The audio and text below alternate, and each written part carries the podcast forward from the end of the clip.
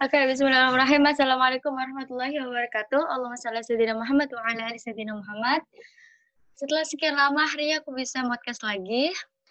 Dan alhamdulillah kali ini mau kembali ke topik yang lama yaitu tentang quarter life crisis yang aku pikir akan banyak yang kontra dengan topik itu ternyata relatable dan banyak yang repost juga. Hari ini aku nggak sendirian, aku akan berbincang-bincang dengan salah seorang teman baru. Semoga ini bisa sedikit menjawab orang-orang di luar sana bagaimana keadaan quarter life crisis of santri ini benar-benar ada dan oke langsung aja kita sapa orangnya. Uh, Assalamualaikum ya Habib. Waalaikumsalam warahmatullahi wabarakatuh. Uh, baik ya kabarnya ya. Alhamdulillah sehat. Gimana Beb? Antum kan pernah nih dengerin uh, podcast aku yang sebelumnya tuh Ya. tentang quarter life crisis. Iya, ya benar sih apa yang dikatakan oleh Naf sendiri bahwasanya ada memang fase yang seperti itu. Keluar daripada jenjang pendidikan agama Islam yang ada di pondok pesantren, keluar langsung menjejaki dunia luar.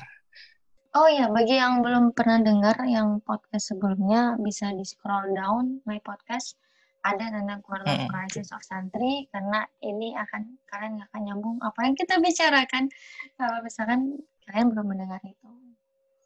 Oh iya, Gitu. tuh dari santrinya ini dari mulai SD, SMP atau Kalau masuk di dunia pesantrenan ini semenjak tamat SD, tapi SD pun itu memang yayasan swasta yang memang basicnya agama juga, gitu.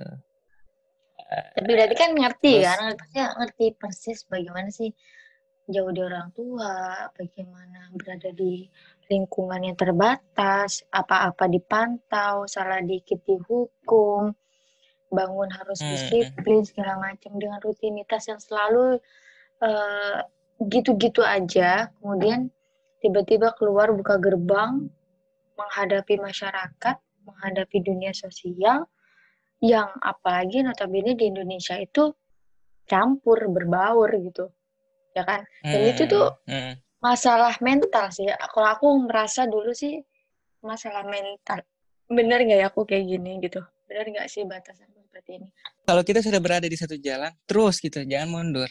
Waktu itu Mm. gak lama kok. Al waqt tamur marrah sahab. Wak- Waktu itu berjalan seperti berjalannya awan.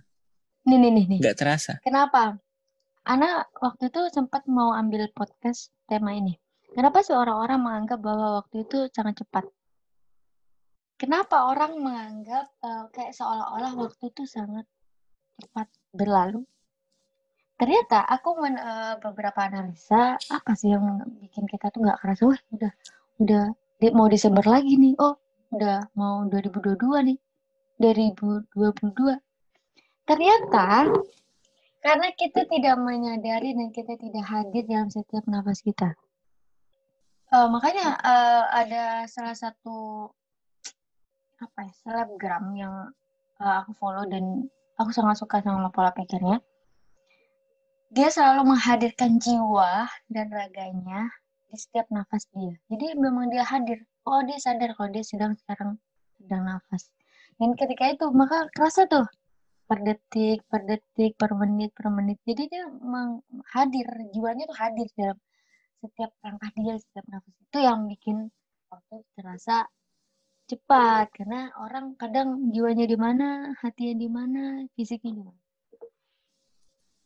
Itu calon orang sukses itu, yang seperti itu. Karena dia bakal ma- manfaat. karena dia memanfa- karena dia sadar dengan akan dengan adanya waktu itu. Jadi dia akan memanfaatkan waktu itu dengan sebaik-baiknya. Ini kita topiknya bebas ya, terbang. Allah manfaat semuanya. Insya Allah. Kadang antum stres kan dengan pilihan anda sendiri gitu sekarang. Ini sebenarnya bukan mauku, tapi Ya ini pernah jalanku. sebelumnya. Nah, benar. Ini sebenarnya tidak semua yang kita inginkan itu kan bakal terjadi kan. Dan Hmm, di balik hmm, itu semua, iya. Kalau orang bilang itu gimana ya? Inilah susah. Antar kalau kita memisahkan antara duniawi, akli dan nakli itu, aduh. Kenapa banyak sekali orang stereotip stereotip di luar hmm. sana yang menganggap santri itu semua sama saja. Kenapa? sekarang kita coba kita gali stereotip stereotip ini pemikiran-pemikiran seperti ini datangnya dari mana? Dari yang namanya habit, kebiasaan. Habit itu datangnya dari mana? Dari referensi. Nah, referensi itu apa? Referen referensi itu adalah sebuah cara pola pikir manusia. Di example, misalnya begini. Kita ingin menguasai Korea. Ingin menguasai apa yang ada di Korea. Tapi kita nggak punya referensi-referensi yang ada di Korea. Kita nggak punya referensi-referensi itu. Apakah kita akan bisa? Tidak. Tidak sama sekali. Nah, referensi-referensi ini akan masuk ke habit itu nanti. Kebiasaan ada. Ada kebiasaan setiap hari mereka bawa dan pemikiran yang sudah salah itu, sumbernya sudah salah, terus-terus menjadi suatu kebiasaan. Nah, ini yang menyerang kepada anak-anak khususnya santri di kala ini. Nah, okay. itu yang harus kita pecahkan, gitu loh. Terus yang kedua. kayak anggota dewan begitu antum.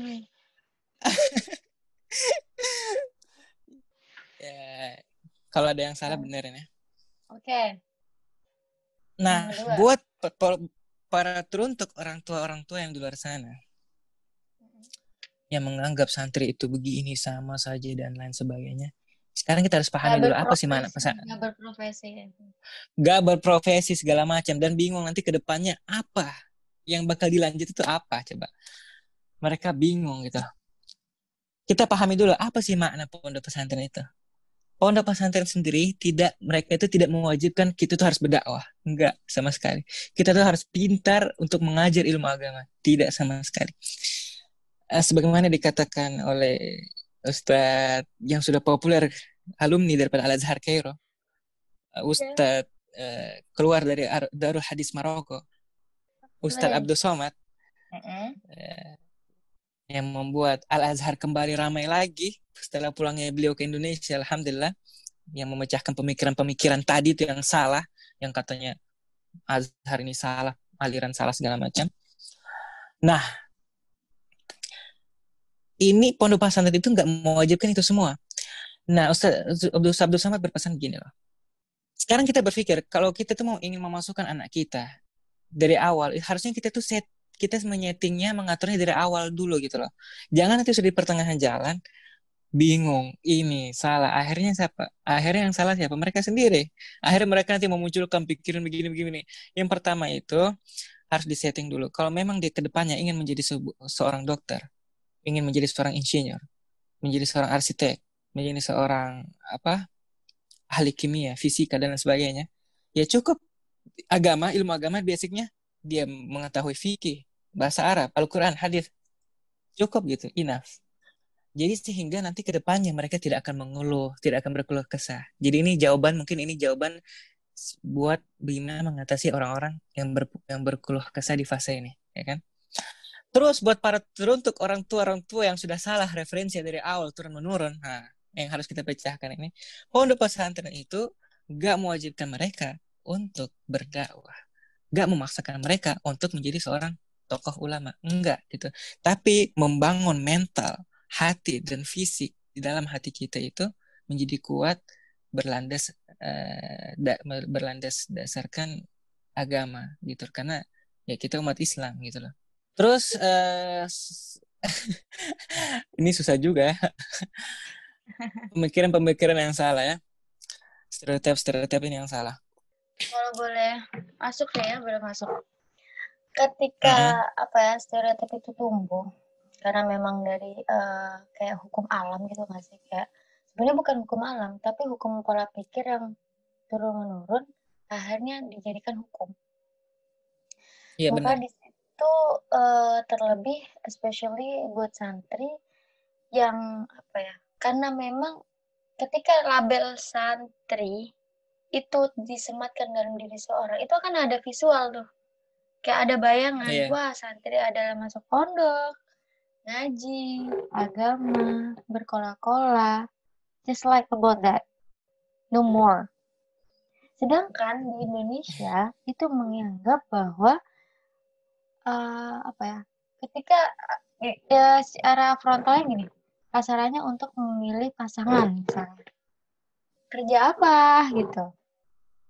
Profesinya apa? Oh anak pondok.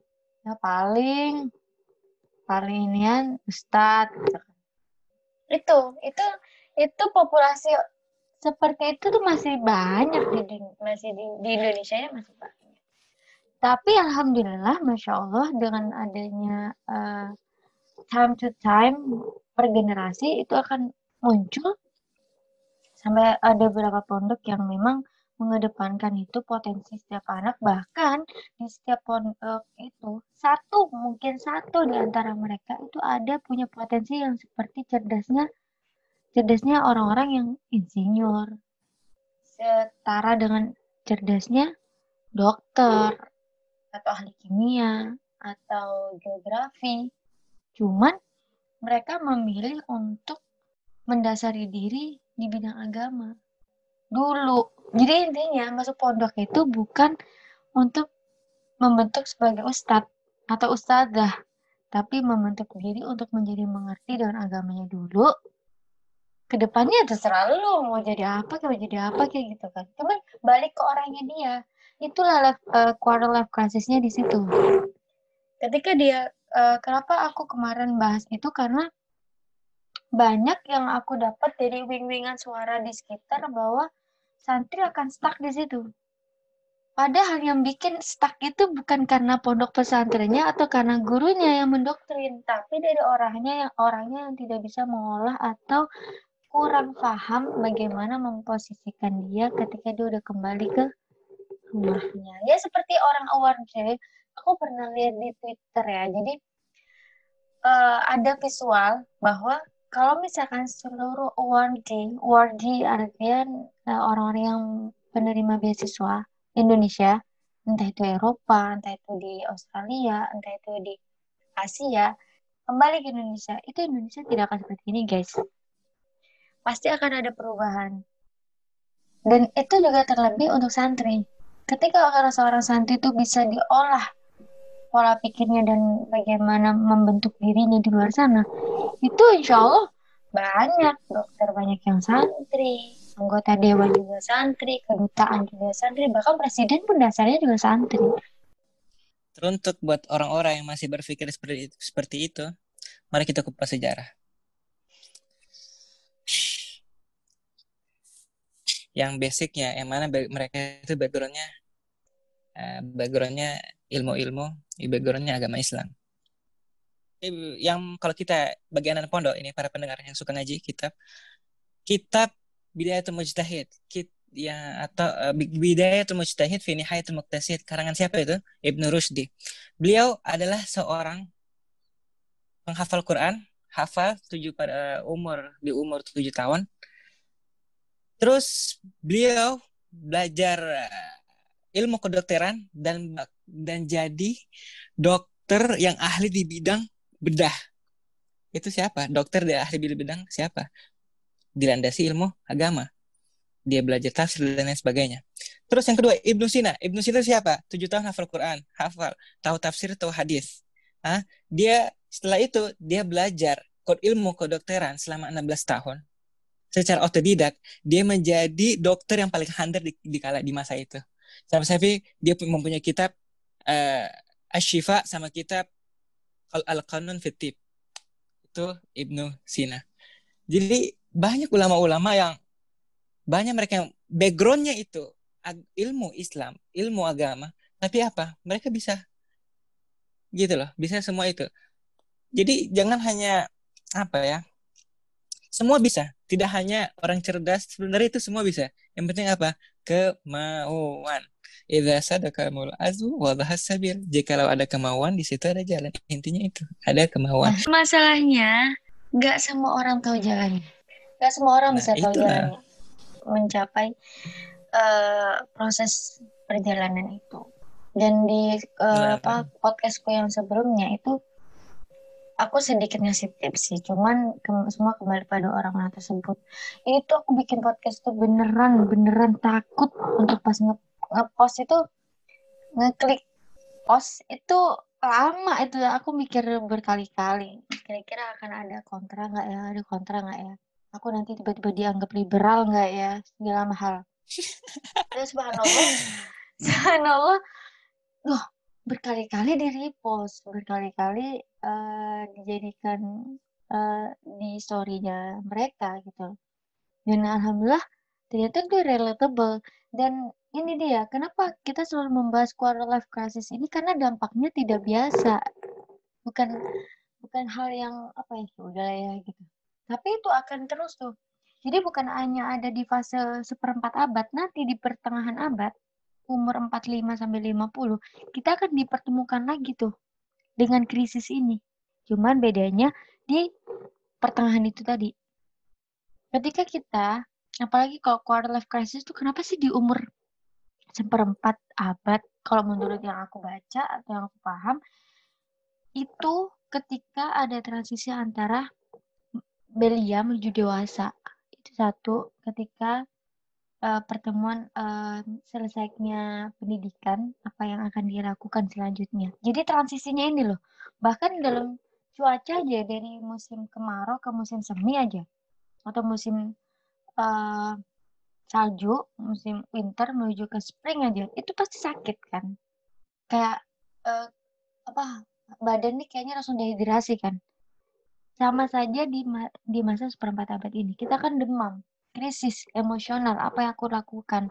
Karena ketika kita salah melangkah kita akan ketemu dengan uh, pertengahan abad itu apa yang hasil dari ini? Kalau misalkan berbicara tentang orang hebat orang uh, apa ya orang yang sukses itu adalah orang yang banyak duit berapa banyak artis yang bunuh diri karena overdosis. Kalau misalnya berbicara tentang uh, kepopuleran untuk membuat bahagia berapa banyak orang-orang yang uh, tenar atau di dunia? Michael Jackson aja. Meninggalnya karena apa? Karena stres juga kan. Dan apa terjangkit obat terus-terusan kan. Ngerasa tidak bahagia kan. Jadi sebenarnya apa yang menjadi dampak quarter life crisis ini? Apalagi untuk seorang santri. Anda seorang santri kalau menurut aku uh, karena dia terbiasa dengan lingkup yang kecil kemudian bertemu dengan lapangan yang besar di dengan banyak orang dan beraneka ragam sedangkan dia belum tentu apa ya, jalannya akan ke mana itu yang membuat dia emosionalnya muncul krisis emosionalnya muncul keluar rumah aja takut ketemu orang takut itu untuk orang-orang yang memang takut tapi orang yang berani nih kalau ada tanya orang yang berani dari karakternya orang berani dia kan uh, diajak temennya oke okay. temennya oke okay. oke okay. akhirnya semuanya marhaba gitu dan ketika ada di titik yep, dia bingung. What should I do? What actually I will do for the next step for my future? Jadi dia akan merasa gue kalau ke sana kok ikut aja ke sana ikut aja. Tapi sebenarnya apa sih tujuan aku ke situ? Nah di situlah fungsi quarter life crisis ini. Karena apa? Dampaknya akan berbahaya.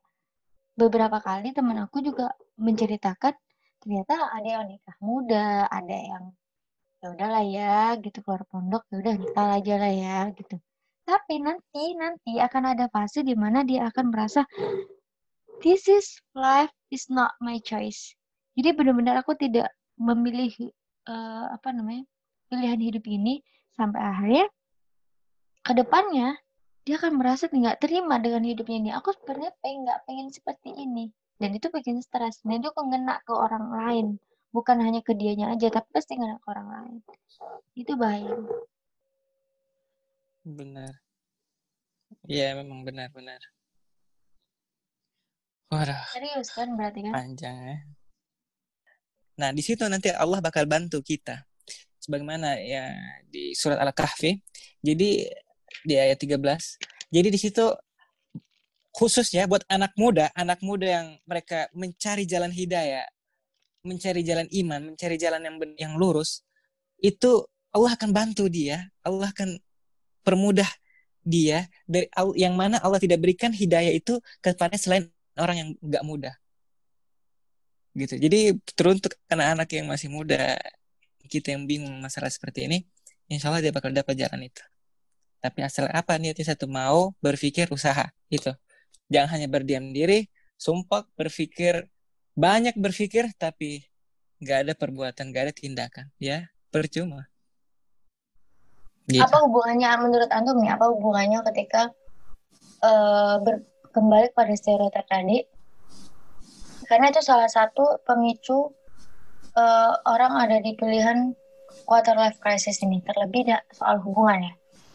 Yang uh, aku kemukain dulu kemarin juga soal pernik uh, dia mau penjajakan diri dulu matasin diri dulu dia menjadi kuat dengan dirinya sendiri ada identitas dengan dirinya apakah langsung menikah misalnya nah di situ kan hari itu karena itu apa karena pasti di dalam otaknya ada ada stereotip orang bahwa seumuran Anda itu sudah saatnya menikah. Seumuran Anda itu sudah harus punya anak. Seumuran Anda itu yang lain sudah mendapatkan hal-hal banyak hal. Itu yang membuat mereka akhirnya merasa krisis, krisis emosional. Akhirnya apa? Gegabah, buru-buru, gitu loh. Padahal kan uh, masa orang ya, waktu uh, fase orang perempuan ya? macam-macam perempuan perempuan laki-laki juga loh laki-laki juga banyak kan mereka berpikir um, tapi laki-laki lebih panjang loh pikirannya nggak seperti perempuan yang gegabah iya loh iya loh. Itu juga kalau mature maturity itu uh, dari dari usia? Kalau menurut aku sih kayak aku melihat kamu pun aku melihat kamu first impression of me about you itu usianya mudah tapi tersentil untuk mendalami pemahaman-pemahaman yang lebih rinci atau lebih dalam. Sehingga kedewasaan itu muncul makanya itu kamu open sama orang-orang yang mungkin transisi usia yang lebih jauh atau dari segala uh, aspek gitu. Makanya aku melihat uh, kedewasaan itu bisa dilihat dari uh, pola pikir juga pola pikir juga.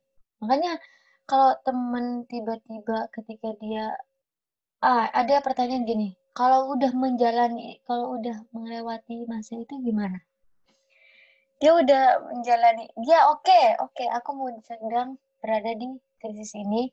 Oke okay, aku sudah gegabah menjalaninya. Oke okay, aku sudah melakukan kesalahan. Aku sudah terburu-buru dan dan sekarang aku sudah punya anak misalnya. Apa? Karena sudah sudah terlanjur ya istilahnya sudah terlanjur sudah dijalani. Yang pertama kita harus menyadari kita ada di mana di dunia kah atau di surga itu yang kita sadari dulu ya oke okay. yang mana kita harus sudah siap hidup di dunia ini menempuh berbagai macam kejenuhan, kesumpokan, kebingungan, cobaan, godaan dan lain-lain sebagainya. Kita harus kita harus sudah siap dengan itu semua. Dan khususnya kita yang berbasic backgroundnya itu agama Islam ataupun tidak.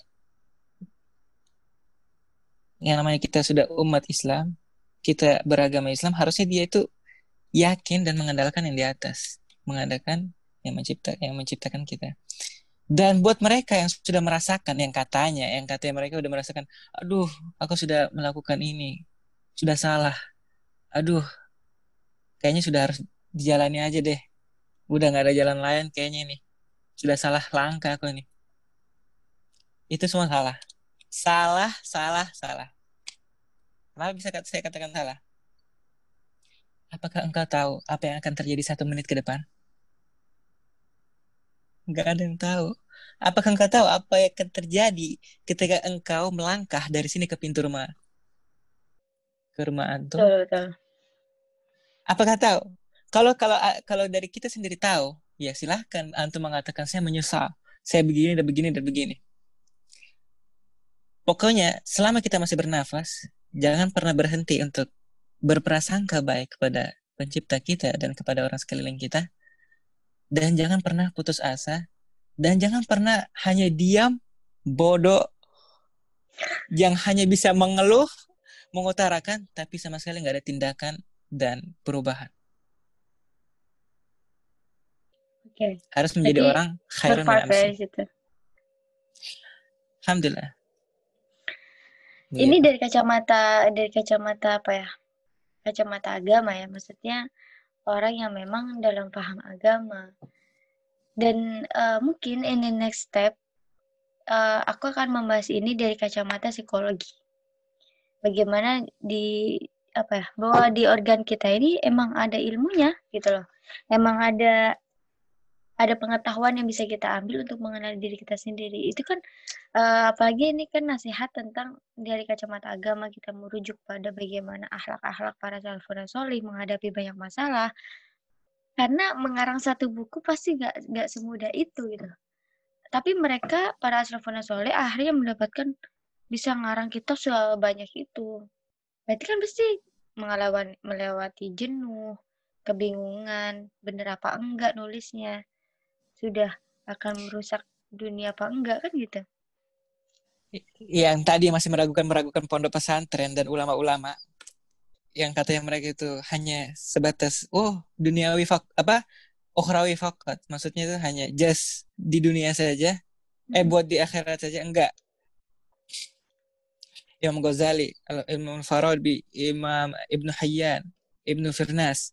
Lihat siapa mereka? Mereka daripada salah satu daripada mereka ada yang menciptakan menemukan yang namanya prototipe pesawat. Terus menemukan apa? Atom. Nah, siapa mereka? Basicnya apa? Semua agama. Intinya satu keyakinan kita mantapkan itu.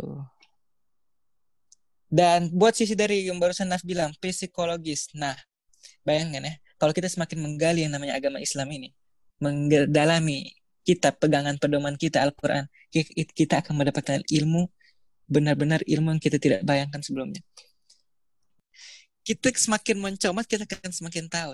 Semakin kita mendalami tanah, menggali tanah, semua itu akan ternyata kita sudah memanjat langit. Iya, benar. Keilmuan-keilmuan itu dasarnya quarter life crisis itu sebenarnya orang-orang yang nggak punya misi, orang-orang yang nggak punya tujuan, itu juga. Jadi dia itu masih belum menemukan tujuan final goalnya dia itu apa, mau ngapain, itu dia masih belum ada tuh titik titiknya, gitu. Kalau menurut antum, antum kalau merasa punya, udah punya bidikan, udah punya misi, itu apa? Langkah-langkah yang akan antum jalani itu apa? Memilih seseorang menjadi pendamping entah gitu. orang ya gitu. entah orang entah sesuatu ya kan kita kalau uh, especially for your partner in life maksudnya seorang pasangan. Tapi nggak semuanya yang sevisi sama kita itu ada harus orang-orang yang kita berdampingan sama kita. Atau dalam artian istri gitu kan atau suami. Tapi dari bisa dari orang lain gitu. Tidaknya antum ketika udah menjalani itu tadi menuju ke masa selanjutnya ya, dari pilihan yang Anda pilih tapi sebenarnya nggak Anda pilih ini ingin disematkan dalam otak itu apa? Ketika jenuh itu mencapai titik terendah, Anda akan mereview lagi dan menjadi kuat lagi. Dua kalimat saja. Cuma, de cuma dengan dua kalimat ini saja. Cuma dua kalimat aja. Oke, apa itu? Hayati lida'wah. Hayati wow, wow. lida'wah. Kehidupanku hanya untuk berdakwah. Itu, itu pegangan saya. Itu yang itu dari Al Fagir sendiri. Kalau dari orang sendiri terserah banyak. Ba mereka punya banyak cara untuk membangkitkan semangat diri mereka. Kalau misalnya uh, apa antum nih dari udah keluar dari alma mater kan, nanti dianggap wah udah ke Mesir kayaknya nggak sejalan lagi, kayaknya nggak sepemikiran lagi sama kita oh udah gak sefrekuensi lagi. Adil nggak menurut antum orang yang berpikir seperti itu? Ke Anda. Kita nggak bisa loh menghapus stereotip dengan hanya berdiskusi seperti ini nggak mungkin. Stereotip itu kuat dan itu hukumnya dari turun menurun. Kita nggak bisa mematahkan satu persatu dari mereka gitu. Pola pikir uh, kita nggak bisa men-setting otak orang sekeras apa pun kita berusaha. Tapi uh, tentang Mesir pun, omongan miring tentang Mesir pun itu masih ada dan selalu ada. Apalagi dalam alma alma mater kita sendiri. Pasti. Bahkan aku pun yang memang udah lama nggak di pondok dan aku sekarang di dunia Mesir eh, dunia teknik dan arsitektur banyak yang mengatakan bahwa aku nggak sefrekuensi lagi nggak se sepaham dengan mereka lagi itu sangat kalau menurut uh, for myself it is so pain. Jadi benar-benar menyakiti hati aku banget. Karena kita tidak tahu uh, what actually what I'm feeling gitu. Kalau antum ini apalagi di Mesir dengan kehidupan yang seperti itu siap nggak dengan stereotip itu? Terus apa yang Masya Allah menjadi tantangan juga sih. Don't give up. Keep going. Okay. jadi itu kan dari kita kembali ke visi tadi bangkitnya kita itu di situ kita akan bisa menempuh semuanya walaupun sampai keluarga kita sendiri ya dari balik lagi dari pelajaran-pelajaran pengalaman-pengalaman wawasan-wawasan yang kita sudah dapat Allah saja dihina. Betul. Nabi, Nabi saja dicaci. Fakai fa'ana. Apalagi saya. Jadi kita sadar kembali ke diri kita sendiri. Insya Allah bahagia dunia akhirat. Allah jadi hina. Benar, benar, benar. Apalagi hayatil dakwah. Itu hmm. salah satu visi juga sih sebenarnya. Waktu itu. Sampai akhirnya aku pikir dengan aku grow, go abroad, aku pikir dengan menggali di ke Turki, ke Eropa, ke Rusia, dan negara-negara lain. Aku sampai sempat me, apa apply scholarship di Makedonia. I think I can get more knowledge there. Ternyata enggak. Ternyata visi aku sendiri yang aku bangun, bagaimana aku ingin berkhidmah dengan maha guru kita gitu dengan jalan yang lain soul jadi dengan jiwa kita yang tetap khidmah sama beliau ternyata kita terbangun dari ini jalan yang sekarang ini. Gitu. Jalannya bakal ada Benar. medianya akan ada gitu. Betulnya antum dengan konten sesederhana menurut antum itu sederhana tapi ternyata dengan mudah sampai hanya menarik perhatian banyak orang hanya kembali ke manfaat itu tadi. Ternyata itulah yang mengarahkan sebenarnya. Nggak harus menurut akal kita karena akal kita nggak sampai gitu nggak sih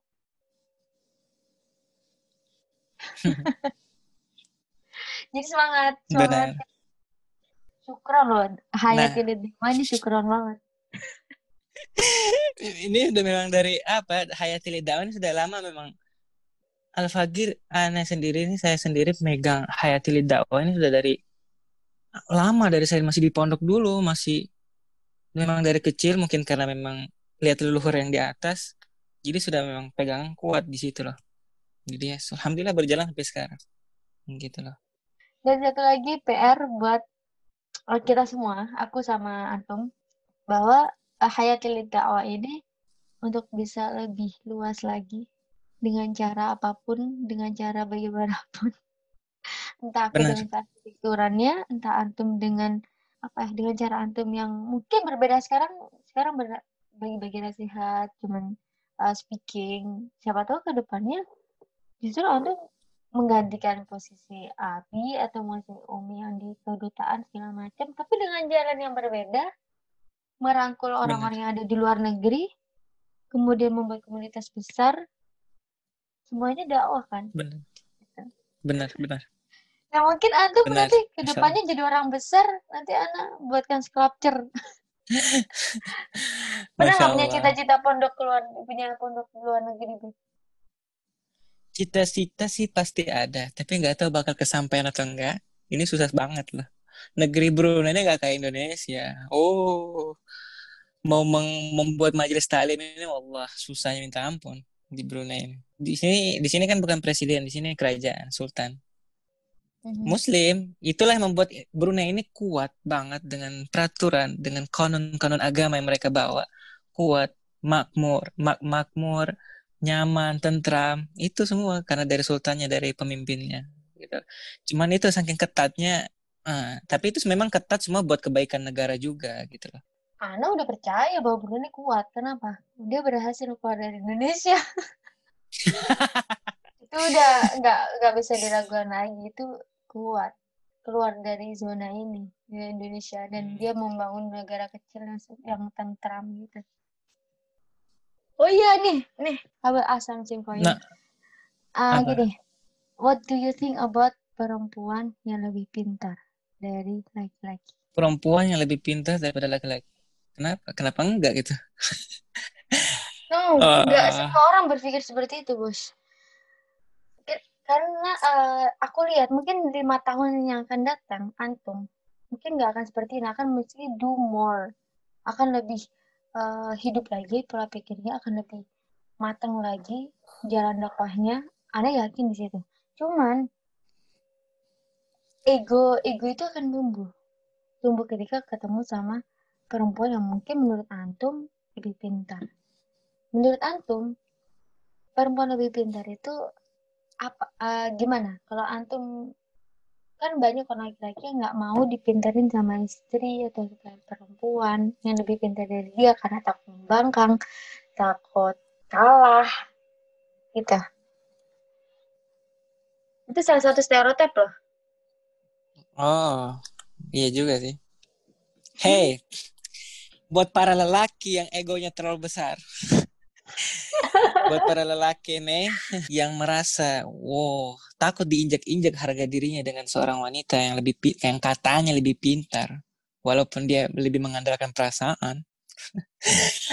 ah, keharmonisan keharmonisan rumah tangga gak dihitung dari kecerdasan ke, ke- kepintaran dari pasangan itu tapi dari akhlak dari kepribadian dari keseharian dari perilaku dari pasangan itu sendiri. Itu yang harus dicamkan gitu loh.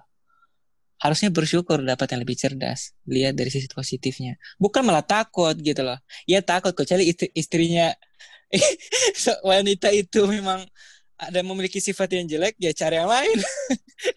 Kan begitu. Jadi nggak ada pokok jadi wanita nggak ada salah sama sekali buat jadi kalau dia memang lebih cerdas lebih pintar daripada pasangannya dari suaminya itu yang Iya. yang saya dapat sekarang Jadi nggak apa-apa ya, antum dapat eh, kayak misalnya akhirnya ketemu sama orang yang mungkin knowledge-nya eh, intelektualnya lebih pintar dari antum, nggak merasa ya bersyukur ya. malah Oh enggak ya? selama akhlaknya bagus kenapa enggak Oke oke. Semoga itu apalagi di bisa alma meruntuhkan. apalagi di alma mater anda di, ba- di bagian pondok put di, di pondok putri. Ah anda kan tahu pesan-pesan dari guru kita seperti apa? Itu semua sudah menjamin keharmonisan rumah tangga. Apa? Apa? Apa ya? Apa yang anda tahu dengan di pondok saya, hah? saya lupa ya. Pokoknya ada ada tiga gitu. Ada tiga itu apa pesan kalau ketika sudah menikah nanti nggak boleh ini itu dan ini apa gitu Oke, wait wait. Em, membantah hmm Me- aduh, meminta, nggak tahu lagi satunya. Apa ya? Mungkin para eh, pendengar ini mungkin gemes ya mau menjawab ini. Ini kembali kepada akhlak ya berarti kan. Tapi Iya. banyak loh. Ana jujur ya, ini di podcast ini Ana mau buka deh. Hmm Ada sampai ada orang yang ngomong gini. Jangan terlalu pintar. Laki-laki nggak suka sama perempuan lebih pintar. Hei, emang Anda panitia pelacak? Siapa orang ini? Ini semua yang bikin rusak Indonesia. Benar itu, itu sempat-sempat membuat Ana stres jujur. Apakah saya harus me- membenturkan kepala saya ke tembok agar tiba-tiba lupa saya siapa?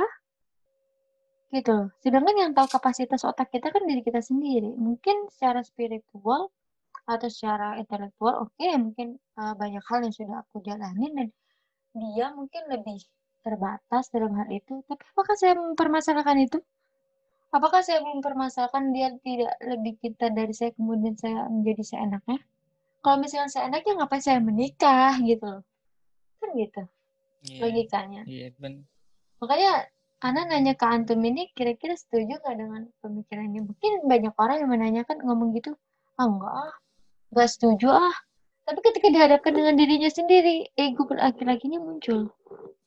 Apalagi dari seorang yang punya sisi dominan atau punya orang yang vokal, orang yang punya kayak Antum nih seorang speaker, terus orang yang mungkin suka dengan jiwa kepemimpinan segala macam. Itu egonya akan lebih besar, saya yakin. Cuman akhirnya ketika dihadapkan dengan hal itu dia kayak merasa gak deh. Jadi kayak orang bego tuh ngadepin dia. Itu Najwa Shihab sekelas Najwa Shihab ketika di podcastnya uh, Om Deddy Corbuzier. Om Deddy Corbuzier yang sepintar itu ngomong gue kalau ngomong sama lu gue takut karena lo orang yang pintar.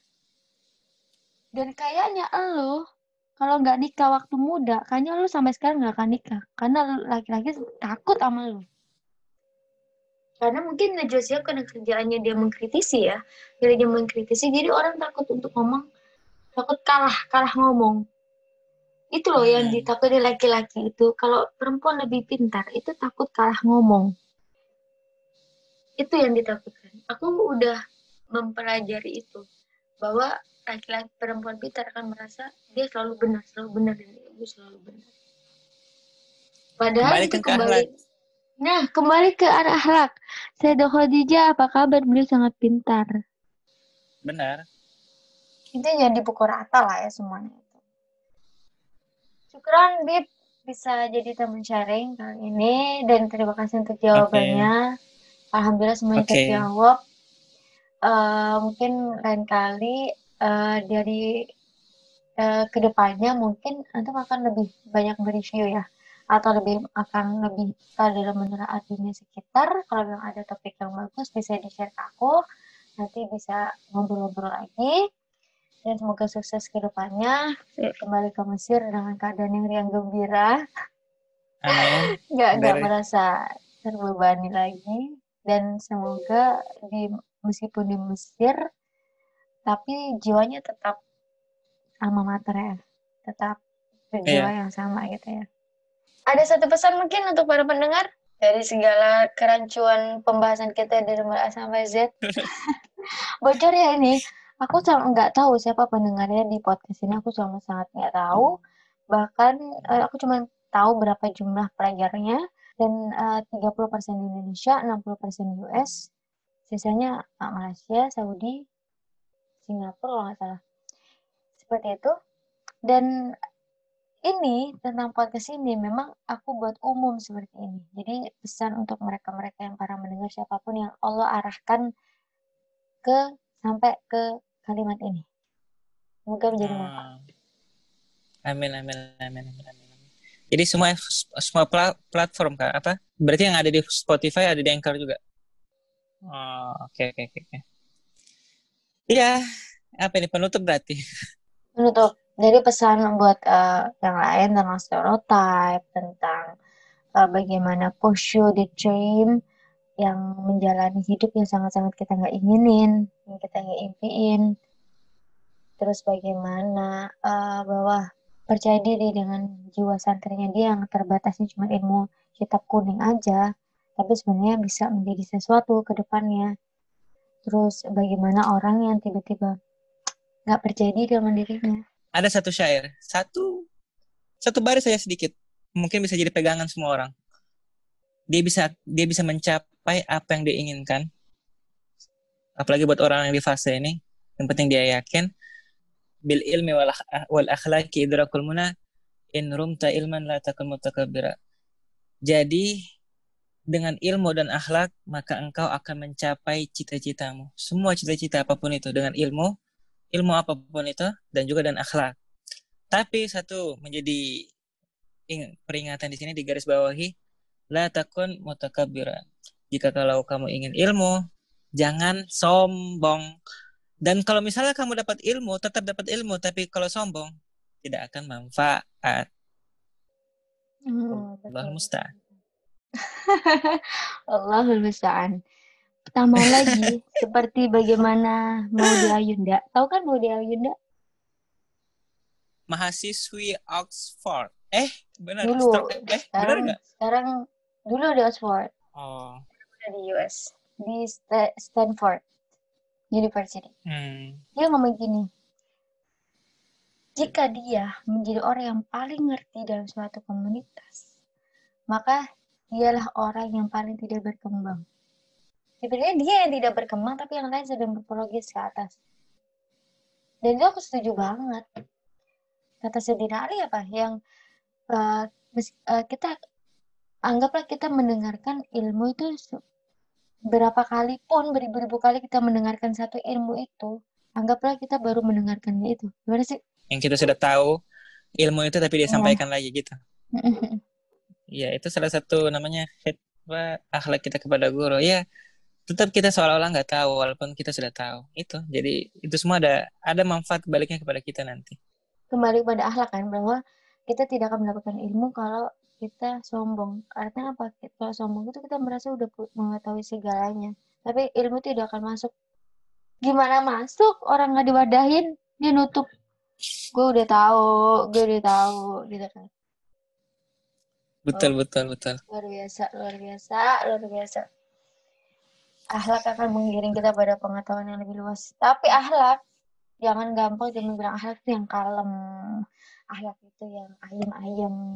No tapi akhlak itu berkaitan dengan sikap dan kemanusiaan dan sosial. Komunikasi sosial dan bagaimana manajemen pendidikan kita manajemen pendidikan nggak hanya teori tapi juga berkaitan dengan akhlak bagaimana menghadapi orang yang ya mencerdasi sikap bagaimana kita mengaplikasikan ilmu kita begitu bukan benar Oke, terima kasih waktunya. Oh ya, antum belum menyebutkan Instagram ya? Apa disebutkan aja ini? ya nanti tulis aja Gak usah disebutkan lah lebay banget emang aku orang Oh. besar Oke, oke deh. Ah, bagus, bagus, bagus. Nanti ah, aku masukin ke description box. Overall, thank you very much for to be here for my friend. Semoga sukses ke depannya. Jazakumullah khair. Dan untuk para untuk pendengar, siapa pun kalian, di mana pun kalian berada, semoga ini manfaat dan semoga ini bisa kalian ambil uh, poin-poinnya. Kita tidak tahu mana yang menurut kalian itu manfaat dan kalian butuhkan. Alhasil, semoga itu menjadi hal-hal atau jariah dari kita semua. Oke, thank you very much. Assalamualaikum warahmatullahi wabarakatuh.